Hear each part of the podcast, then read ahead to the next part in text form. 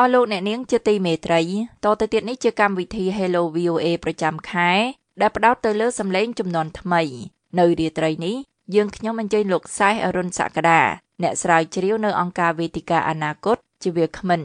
លោកនឹងពិភាក្សាប្រធានបទអំពីទីធ្លាសាធារណៈនិងសុខុមាលភាពប្រជាជនតទៅនេះសំឡូងអ្នកនាងស្ដាប់កម្មវិធី Hello VOA រវាងអ្នកនាងកាន់វិជ្ជការដែលជាអ្នកសម្របសម្រួលកម្មវិធី Hello VOA នៅរាត្រីនេះ ជាមួយនឹងលោកសាយអរុនសក្តាដូចតទៅសូមជម្រាបសួរលោកអ្នកនាងដែលកំពុងតាមដានស្ដាប់កម្មវិធី Hello VOA សំឡេងចំនួនថ្មីដែលមាននាងខ្ញុំកាន់វិជ្ជការជាអ្នកសម្របសម្រួលនៅរាជធានីភ្នំពេញនារីត្រីថ្ងៃច័ន្ទនេះកម្មវិធី Hello VOA សំឡេងចំនួនថ្មីជជែកលើប្រធានបទទីធ្លាសាធារណៈនិងសុខុមាលភាពប្រជាជនដែលមានវាគ្មិនរបស់យើងគឺលោកសែសអរុនសក្តាអ្នកស្រាវជ្រាវនៅអង្គការវេទិកាអនាគតចាសសូមជម្រាបសួរលោកសែសអរុនសក្តាបាទជម្រាបសួរ ចានេះខ្ញុំអរគុណសម្រាប់ការអញ្ជើញចូលរួមកិច្ចពិភាក្សាក្នុងកម្មវិធី Hello VOA សំឡេងចំនួនថ្មីចាទស្សនិកជនជាទីមេត្រីនាងខ្ញុំសូមជម្រាបដែរថាក្រោយពីទទួលបានការអប់រំជាស្ថាបត្យករលោកសាហអរុនសក្តាបានសិក្សាស្រាវជ្រាវអំពីការរៀបចំផែនការការអភិវឌ្ឍទីក្រុងនៃរាជធានីភ្នំពេញព្រមទាំងមានចំណាប់អារម្មណ៍លើរាល់ទស្សនវិជ្ជានានាអំពីទីក្រុងនិងការរៀបចំហេដ្ឋារចនាសម្ព័ន្ធទីក្រុងចលនានាងជាទីមេត្រី រាជធានីភ្នំពេញជាទីប្រជុំជនបណ្ដុំដោយមជ្ឈមណ្ឌលវប្បធម៌ពាណិជ្ជកម្មនិងនយោបាយ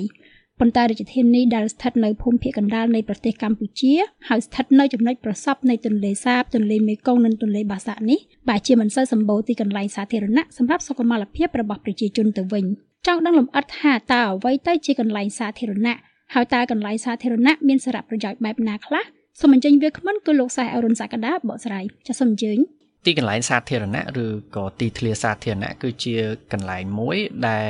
ប្រជាជនអាចចូលទៅលេងបានដោយពុំមានការដូចថាកំណត់ការបង់លុយឬក៏កំណត់ថាគាត់ជាដូចថាអ្នកដែលនៅទីហ្នឹងឬក៏អ្នកមកពីណាទៅគឺក៏អាចចូលរួមបានទាំងអស់គ្នាជាសាធារណៈបាន ហើយសារៈប្រយោជន៍របស់ទីធ្លាសាធារណៈមានច្រើនដូចជាទី1វាជាកន្លែងសម្រាប់ប្រជាជនគាត់ ធ្វើការប្រស័យតាក់ទងរវាងអ្នកផ្សេងផ្សេងទៀតវាដូចថាផ្ដល់ភាពជាសហគមន៍វាក៏មានដូចថាជាកន្លែងមួយ សម្រាប់កុមារដើម្បីគាត់លេងកំសាន្តដែលជាកត្តាសំខាន់មួយនៃការលុះរត់លុះលាត់របស់គាត់ហើយវាក៏មានសារៈប្រយោជន៍ផ្សេងផ្សេងទៀតតាក់ទងនឹងគេហៅថា microclimate ដែលជាបកប្រែជាភាសាខ្មែរវិញគឺមានន័យថាអាកាសធាតុនៅក្នុងនិងនៅជុំវិញទីក្រុង ទីធ្លាសាធារណៈជាទូទៅជាទីធ្លាដែលមានដើមឈើដូច្នេះវាជួយកាត់បន្ថយអីសីតុណ្ហភាព វាផ្ដល់នៅខ្យល់ល្អដើម្បីដកដង្ហើមហើយក៏វាជួយកាត់បន្ថយសំឡេងបំពុលជាដើមហើយបើយើងងាកមកមើលរាជធានីភ្នំពេញយើងសង្កេតឃើញថា ទីធ្លាសាធារណៈពិតប្រាកដគឺមានដូចជានៅតាមដងមាត់ទន្លេនៅនៅចិត្តវិមានឯករាជ្យនៅចិត្តវត្តភ្នំអឺជាដើមបាទចាសសូមអរគុណលោកសែអរុនសក្តានៅលោកនាងកំពុងតាមដានស្ដាប់កម្មវិធី Hello VOA សំឡេងចំនួនថ្មី Direct from Washington The Voice of America VOA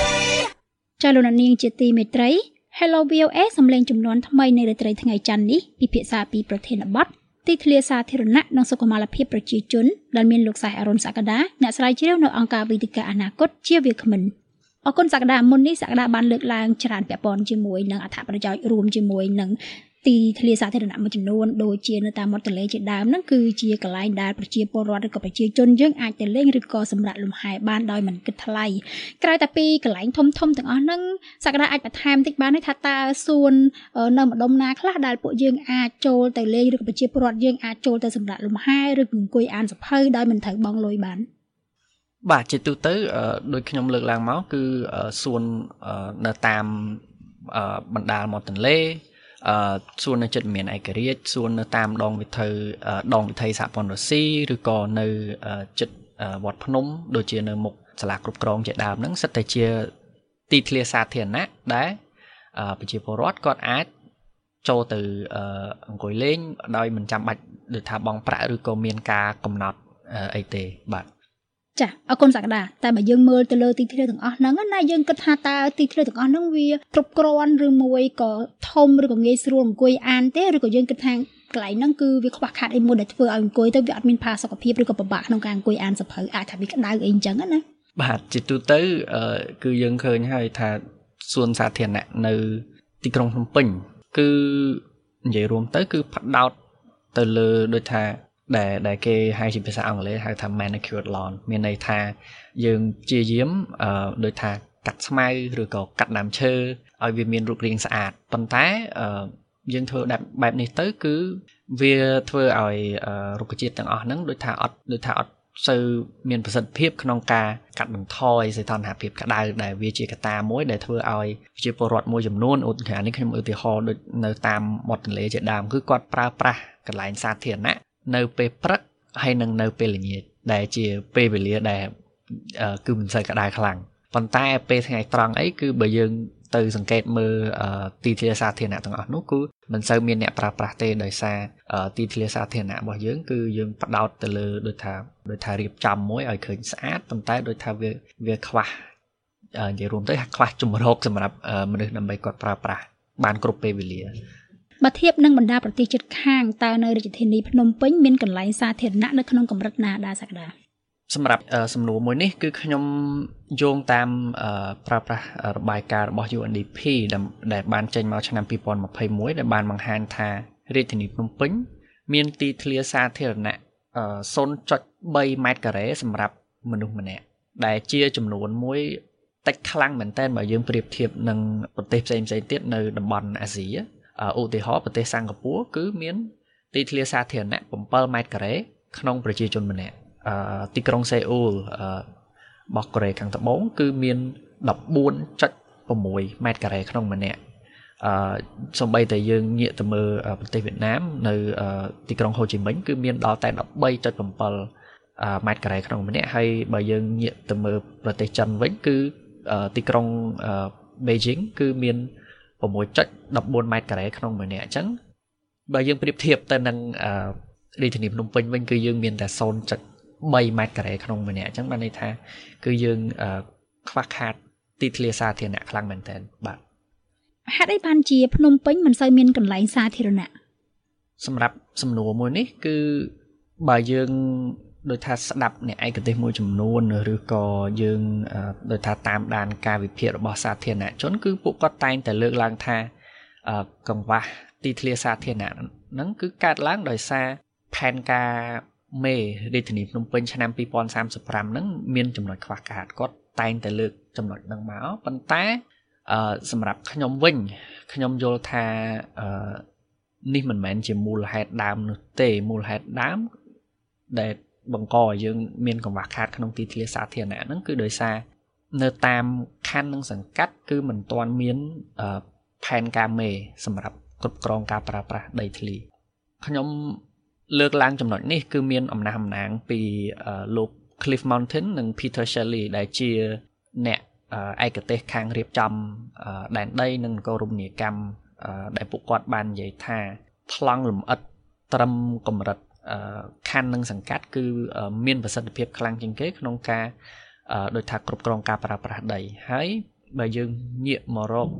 ងាកមកមើលនៅការគ្រប់គ្រងនៅប្រទេសកម្ពុជាវិញគឺយើងឃើញថាយើងមានប្លង់អឺប្លង់មេសម្រាប់រាជធានីភ្នំពេញយើងមានប្លង់មេសម្រាប់ទីក្រុងសៀមរាបឬក៏ទីក្រុងបាត់ដំបងជាដើមប៉ុន្តែយើងអត់ទាន់មានឃើញដោយថាតាម ខណ្ឌនីមួយៗគាត់បង្កើតប្លង់លម្អិតរបស់គាត់ដើម្បីគ្រប់គ្រងដីធ្លីនៅតាមខណ្ឌនីមួយៗអញ្ចឹងដូច្នេះវាដោយសារយើងអត់មានប្លង់លម្អិតនៅតាមខណ្ឌនីមួយៗគឺវាដូចថាបង្កភាពដូចថាលំបាកឬក៏ចំមុខរបល់ក្នុងការគ្រប់គ្រងដោយសារយើងអត់មានប្លង់មេហើយជាទូទៅខ្ញុំគិតថាចំណុចទាំងនេះគឺគឺបើយើង ដូចថាមើលជ្រៅជាងនឹងទៀតណាគឺកើតឡើងដោយសារនៅត្រឹមថ្នាក់ខណ្ឌនិងសង្កាត់គឺពួកគាត់នៅដូចថាខ្វះខាតជំនាញក៏ដូចជាធនធានដើម្បីបង្កើតប្លង់លម្អិតទាំងអស់ហ្នឹង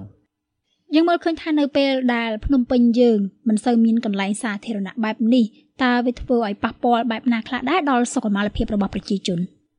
ផលប៉ះពាល់ទៅដល់សុខុមាលភាពរបស់ប្រជាជនគឺ មានច្រើនអឺឥឡូវខ្ញុំលើកឡើងចំណុចតកតងនឹងអា micro climate ចោះគឺតកតងនឹងអាកាសធាតុជំវិញនៅក្នុងទីក្រុងអឺទី1សីតុណ្ហភាពក្តៅទី2គុណភាពខ្យល់ដកដង្ហើមគឺមិនសូវល្អទី3អឺសំឡេងបំពុលជាដើមហ្នឹងគឺវាវាកើតឡើងបើយើងមើលទៅរកខាងដូចថាសម្រាប់ជាជនផ្ទាល់គឺគាត់ បាត់បង់កន្លែងសម្រាប់គាត់ធ្វើការប្រស័យតាក់តងឬក៏កន្លែងគាត់លំហែកាយជាដើមហ្នឹងទី2ទីក្រុងដែលខ្វះខាតទីធ្លាសាធារណៈវាបាត់បង់ឱកាសមួយដើម្បីបង្កើតគេហៅថាភាពជាសហគមន៍បាទបើយើងគិតទៅដល់កុមារកុមារវិញគឺពួកគាត់ដូចថាបាត់បង់កន្លែងសម្រាប់ពួកគាត់ដើម្បីលេងអឺដែលជាកត្តាមួយដ៏សំខាន់របស់ការលូតលាស់របស់ពួកគាត់ហើយអឺ ជាចុងបញ្ចប់កង្វះខាតទីធ្លាសាធារណៈនេះក៏មានផលប៉ះពាល់ទៅដល់សុខភាពរបស់ចាស់ជរាក៏ដូចជាអ្នកដែលមានសុខភាពខ្សោយដែរដោយសារតែកត្តាដែលខ្ញុំលើកមកមុននឹងដូចជាសីតុណ្ហភាពគុណភាពខ្យល់កម្មពលសម្លេងជាដើមហ្នឹងគឺសម្រាប់យើងអ្នកដូចថាអ្នកមកមួនគឺយើងប្រហែលជាមិនសូវអីទេតែសម្រាប់ដូចថាអ្នកដែលគាត់ខ្សោយអ្នកដែលគាត់ញីអលស៊ីឬក៏ចាស់ជរាជាដើមហ្នឹងដូចថាផ្សែងបំពុលសីតុណ្ហភាពក្តៅ អឺឬក៏គុណភាពខ្យល់ដងហើមដែលមិនសូវល្អហ្នឹងគឺវាប៉ះពាល់ដល់ពួកគាត់ខ្លាំងមែនទែនចាអរគុណសក្តាលោកនាងកំពុងតាមដានស្ដាប់កម្មវិធី Hello VOA សំឡេងចំនួនថ្មី Direct from Washington The Voice of America VOA ចា៎ខ្ញុំសូមជជែកបន្តពាក់ព័ន្ធទៅនឹងប្រធានបទរបស់យើង ដោយសក្តាបានលើកឡើងអញ្ចឹងគឺឃើញថាកម្ពុជាជាពិសេសគឺនៅរាជធានីភ្នំពេញតែម្ដងមានកន្លែងសាធារណៈហ្នឹងគឺតិចខ្លាំងមែនទែនសម្រាប់ប្រជាពលរដ្ឋទន្ទឹមជាមួយនឹងកន្លែងសាធារណៈដែលប្រជាពលរដ្ឋអាចទៅសម្រាកលំហែបានហ្នឹងគឺមានតិចហើយហ្នឹងយើងឃើញថាអគារខ្ពស់ខ្ពស់ជាច្រើនគឺត្រូវបានសាងសង់ឡើងជាបន្តបន្ទាប់ទៀតហើយស្របពេលនឹងដែរយើងមើលឃើញថាបឹងសំខាន់សំខាន់នៅក្នុងរាជធានីភ្នំពេញហ្នឹងក៏ត្រូវបានគេចាក់លុបទៀតដើម្បីសាងសង់អគារខ្ពស់ខ្ពស់ជាដើមហ្នឹងតើករណីទាំងអស់នេះសម្រាប់សក្តាបង្ហាញពីអ្វីដែរ សម្រាប់ខ្ញុំវិញគឺខ្ញុំចង់រកមើលមូលហេតុដើមអឺដូចតែសំណួរមុននឹងដែរថាតើមូលហេតុណាដែលនាំឲ្យរឿងទាំងអស់នេះកើតឡើងអញ្ចឹងសម្រាប់អ្នកដែលគាត់តាមដានមួយចំនួន គឺគាត់តែងតែលើកឡើងថាការបាត់បង់ឧទាហរណ៍ការបាត់បង់បឹងជាដើមហ្នឹងគឺកើតឡើងដោយសារក្រុមហ៊ុនវិស័យឯកជន ដែលគាត់ចោះទៅសាងសង់បុរីជាដើមហ្នឹងដែល ប៉ុន្តែសម្រាប់ខ្ញុំវិញខ្ញុំគិតថាយើងគួរតែសួររកទៅដល់មូលហេតុដើមថាតើហេតុអ្វីបានក្រុមហ៊ុនវិស័យឯកជននឹងគាត់សម្រេចចិត្តទៅសាងសង់នៅកន្លែងបឹងទាំងអស់នោះដែលជាកន្លែងដែលដាច់ស្រយាលដែលជាកន្លែងដែលគ្មានហេដ្ឋារចនាសម្ព័ន្ធដែលជាកន្លែងដែលស្ថិតនៅឆ្ងាយពីទីក្រុងពីពីកណ្ដាលទីក្រុងសំណួរបន្ទាប់ទៀតគឺយើងគួរតែសួរថាតើកត្តាអ្វីខ្លះ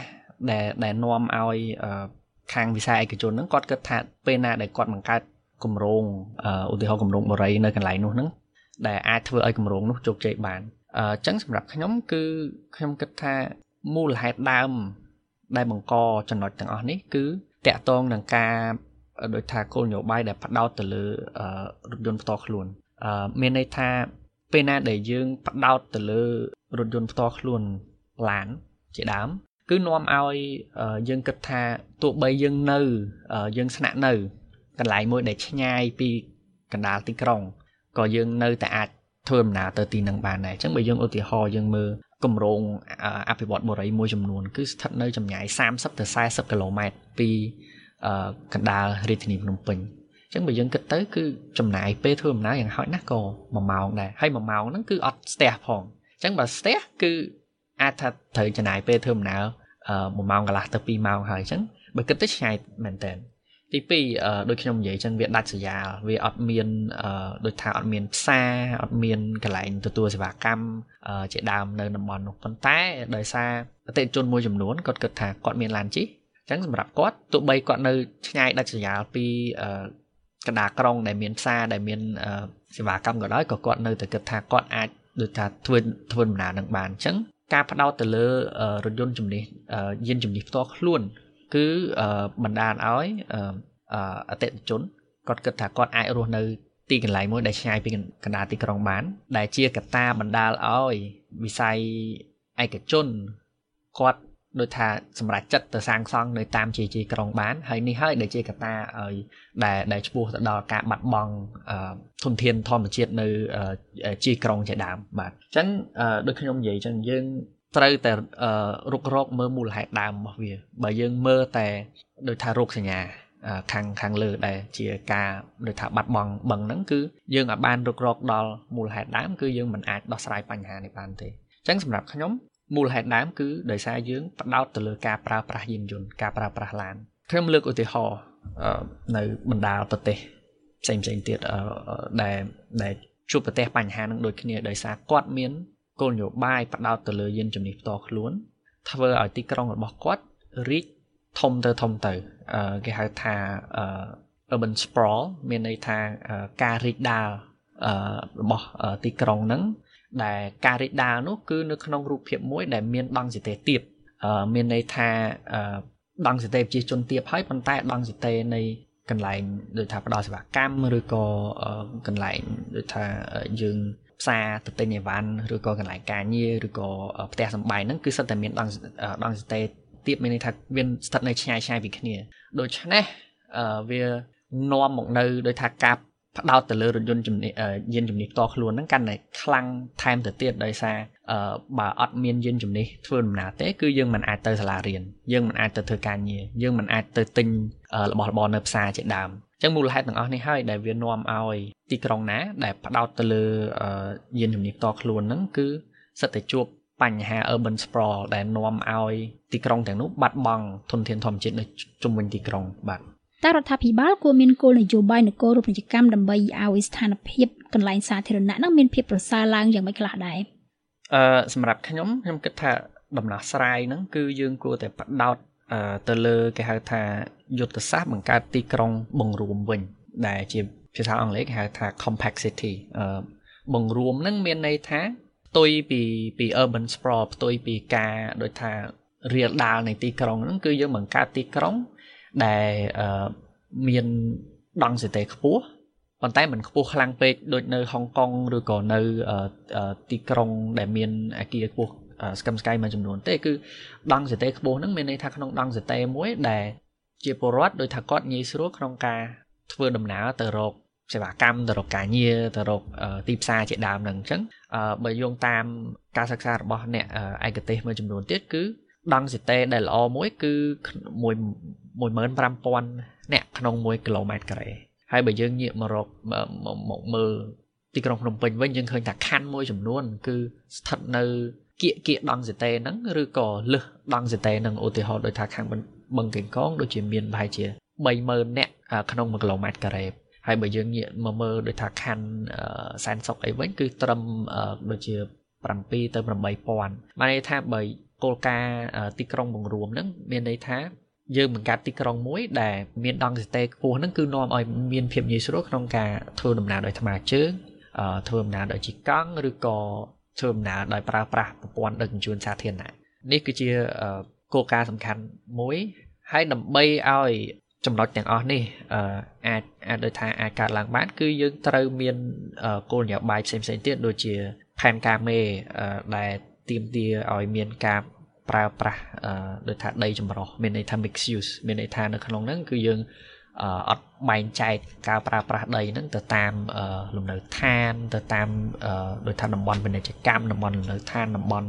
ឧស្សាហកម្មអីនោះទេ គឺយើងផ្ដល់សេរីភាពឲ្យអ្នកនៅក្នុងតំបន់នោះគាត់ចង់ធ្វើជាលំនៅឋានក៏បានគាត់ចង់ធ្វើជាកន្លែងពាណិជ្ជកម្មរស់ស៊ីក៏បានគាត់ចង់ និយាយទៅគាត់មានសេរីភាពក្នុងការជ្រើសរើសដែលជាកត្តាបង្កឲ្យឧទាហរណ៍នៅក្នុងតំបន់ហ្នឹងមានសេវាកម្មគ្រប់គ្រាន់មានទីផ្សារមានការងារមានលំនៅឋាន ហើយមួយទៀតគឺតកតងនឹងគោលនយោបាយចលនាភាពទីក្រុងហ្នឹងគឺត្រូវជៀសវាងផ្ដោតទៅលើយានជំនិះផ្ទាល់ខ្លួនទុយទៅវិញគឺត្រូវផ្ដោតទៅលើការធ្វើដំណើរដោយថ្មើរជើងដោយជីកង់និងការប្រើប្រើប្រាស់មធ្យោបាយ សាធារណៈអរគុណសក្តាចុះវិស័យឯកជនជាពិសេសក្រុមហ៊ុនអចលនទ្រព្យវិញតើពួកគាត់គួរតែមានវិធានការបែបណាដើម្បីបន្ថែមទីធ្លាសាធារណៈសម្រាប់វិស័យឯកជនទី1គាត់គួរតែចូលរួមគោរពទៅតាមច្បាប់នគររមណីយកម្មដែលរដ្ឋាភិបាលបានដាក់ចេញមកហើយឧទាហរណ៍គួរតែគោរពច្បាប់ OSR មានន័យថាទុកទីធ្លាលំហនៅតាមដីធ្លីរបស់គាត់ឲ្យបាន30% ប៉ុន្តែចម្លើយនេះខ្ញុំគិតថាអ្នកណាគេក៏គេឆ្លើយមកអញ្ចឹងដែរប៉ុន្តែសម្រាប់ខ្ញុំវិញខ្ញុំចង់បន្ថែមចំណុចមួយចំនួនទៀតគឺវិស័យឯកជនគាត់គួរតែយល់ថាទីធ្លាសាធារណៈមានអត្ថប្រយោជន៍ផ្ទាល់ជូនទៅដល់ពួកគាត់ មានន័យថាម៉េចមានន័យថានៅពេលដែលតំបន់មួយដែលមានទីធ្លាសាធារណៈគ្រប់គ្រាន់វាធ្វើឲ្យអចលនទ្រព្យនៅតំបន់នោះឡើងថ្លៃវាតាក់ទាញអតិថិជន ឲ្យមកទិញគម្រោងហ្នឹងទី2វិស័យឯកជនក៏អាចប្រតិបត្តិទៅតាមកំណត់មួយគេហៅថា private operated public space មានន័យថាទីធ្លាសាធារណៈដំណើរការដោយឯកជនគាត់អាចយកដីដែលនៅសល់របស់គាត់ហ្នឹងហើយគាត់ដំណើរការវាទៅជាទីធ្លាសាធារណៈវិញហើយក៏មានតប្រយោជន៍តាក់ទងនឹង brand របស់គាត់ដែរមានន័យថាពេលណាដែលគាត់បង្កើត ឬក៏គាត់រចនាគម្រោងមួយ ដែលមានទីធ្លាសាធារណៈដែលមានទីធ្លាបៃតងច្រើន វាអាចคล้ายទៅជាតសញ្ញាណរបស់គម្រោងហ្នឹងណាដែលជួយដូចថាក្នុងការផ្សព្វផ្សាយ brand របស់គាត់ធ្វើឲ្យគម្រោងរបស់គាត់មានមានទទួលជោគជ័យជាដើមជាចំណុចចុងក្រោយខ្ញុំចង់រំលឹកថាអតិថិជនអ្នកដែលគាត់ចង់ទិញផ្ទះឬក៏ចង់ទិញលំនៅឋានជាដើមហ្នឹងគឺ គាត់ឥឡូវហ្នឹងគាត់ចាប់ផ្ដើមឲ្យតម្លៃទៅលើ ទីធ្លាបៃតងនិងទីធ្លាសាធារណៈដោយសារគាត់គិតពីគុណសម្បត្តិរបស់វា ដែលខ្ញុំបានលើកឡើងនៅសំណួរមុនមុនហ្នឹងដូច្នេះវិស័យឯកជន គួរពិចារណាឡើងវិញថាគម្រោងរបស់ពួកគាត់ហ្នឹងតើពួកគាត់លក់ម៉ែត្រការ៉េឬក៏ពួកគាត់លក់លំនៅឋានបើគាត់លក់លំនៅឋាន មានន័យថាគាត់យកចិត្តទុកដាក់ទៅលើអតិថិជនរបស់ពួកគាត់ហើយហើយវានាំឲ្យកម្រងរបស់គាត់នឹងទទួលជោគជ័យ ទុយទៅវិញបើកម្រងរបស់គាត់ផ្ដោតទៅលើលក់តែម៉ែត្រការ៉េទេ គឺតាមការសង្កេតរបស់ខ្ញុំគឺឃើញថាកម្រងទាំងអស់នោះនឹងទទួលបរាជ័យហើយបាទចាអរគុណសក្តាជាចុងក្រោយតើសក្តាមានអ្វីជាការបន្ថែមពាក់ព័ន្ធទៅនឹងប្រធានបទរបស់យើង មានចំណុចសំខាន់មួយអឺតកតងនឹងការសិក្សាការរៀបចំទីក្រុងនិងនគររមណីយកម្មហ្នឹងគឺចំណុចទាំងអស់គឺវាតកតងគ្នាអឺ មិនថាគោលនយោបាយដឹកជញ្ជូនចលនាភាពទីក្រុងឬក៏គោលនយោបាយតកតងกับប្រើប្រាស់ដី ចំណុចទាំងអស់នេះគឺវាតកតងគ្នាទាំងអស់បើមានគោលនយោបាយថ្មីមួយ គឺត្រូវគិតទៅដល់ចំណុចទាំងអស់នោះដើម្បីដោះស្រាយបញ្ហាអ្វីមួយ ដែលដូចជាខ្ញុំលើកឡើងពីបញ្ហាការប្រើប្រាស់ផ្ដោតទៅលើយានជំនិះជាដើមហ្នឹងបើយើងគ្រាន់តែគិតពីវាតាក់ទងនឹងការដឹកជញ្ជូនឬក៏តាក់ទងនឹងការ តាក់ទងនឹងចលនាភាពនៅក្នុងទីក្រុងគឺយើងមិនអាចដូចថាមើលឃើញទៅដល់ផលប៉ះពាល់ផ្សេងផ្សេងទៀតតាក់ទងទីធ្លាសាធារណៈតាក់ទងនឹងការបាត់បង់ធនធានធម្មជាតិតាក់ទងនឹងសុខភាពរបស់ប្រជាជនហើយក៏តាក់ទងនឹងដូចថាការចំណាយធនធាននៅក្នុងទីក្រុងនឹងជាដើមដូច្នេះខ្ញុំគ្រាន់តែចង់លើកចំណុចនឹងឡើងមកវិញថាអ្វីៗទាំងអស់នៅក្នុងការរៀបចំទីក្រុងគឺវាតកតងនឹងគ្នាបាទ ចាសសូមអរគុណលោកសែអរុនសក្តាអ្នកស្រាវជ្រាវនៅអង្គការវេទិកាអនាគតដែលបានបកស្រាយយ៉ាងក្បោះក្បាយក្នុងកម្មវិធី Hello VOA សម្លេងចំនួនថ្មីពាក់ព័ន្ធនឹងប្រធានបទទីធ្លាសាធារណៈនិងសុខុមាលភាពប្រជាជននាងខ្ញុំក៏សូមអរគុណប្រិយមិត្តអ្នកតាមដានស្ដាប់ទាំងអស់ហើយបើមានកំហុសឆ្គងដែលអចេតនាណាមួយនាងខ្ញុំនឹងវាគ្មិនសូមខន្តីអភ័យទោសពីប្រិយមិត្តសម្រាប់ពេលនេះនាងខ្ញុំនឹងវាគ្មិនសូមអរគុណនិងសូមជម្រាបលាបាទសូមអរគុណ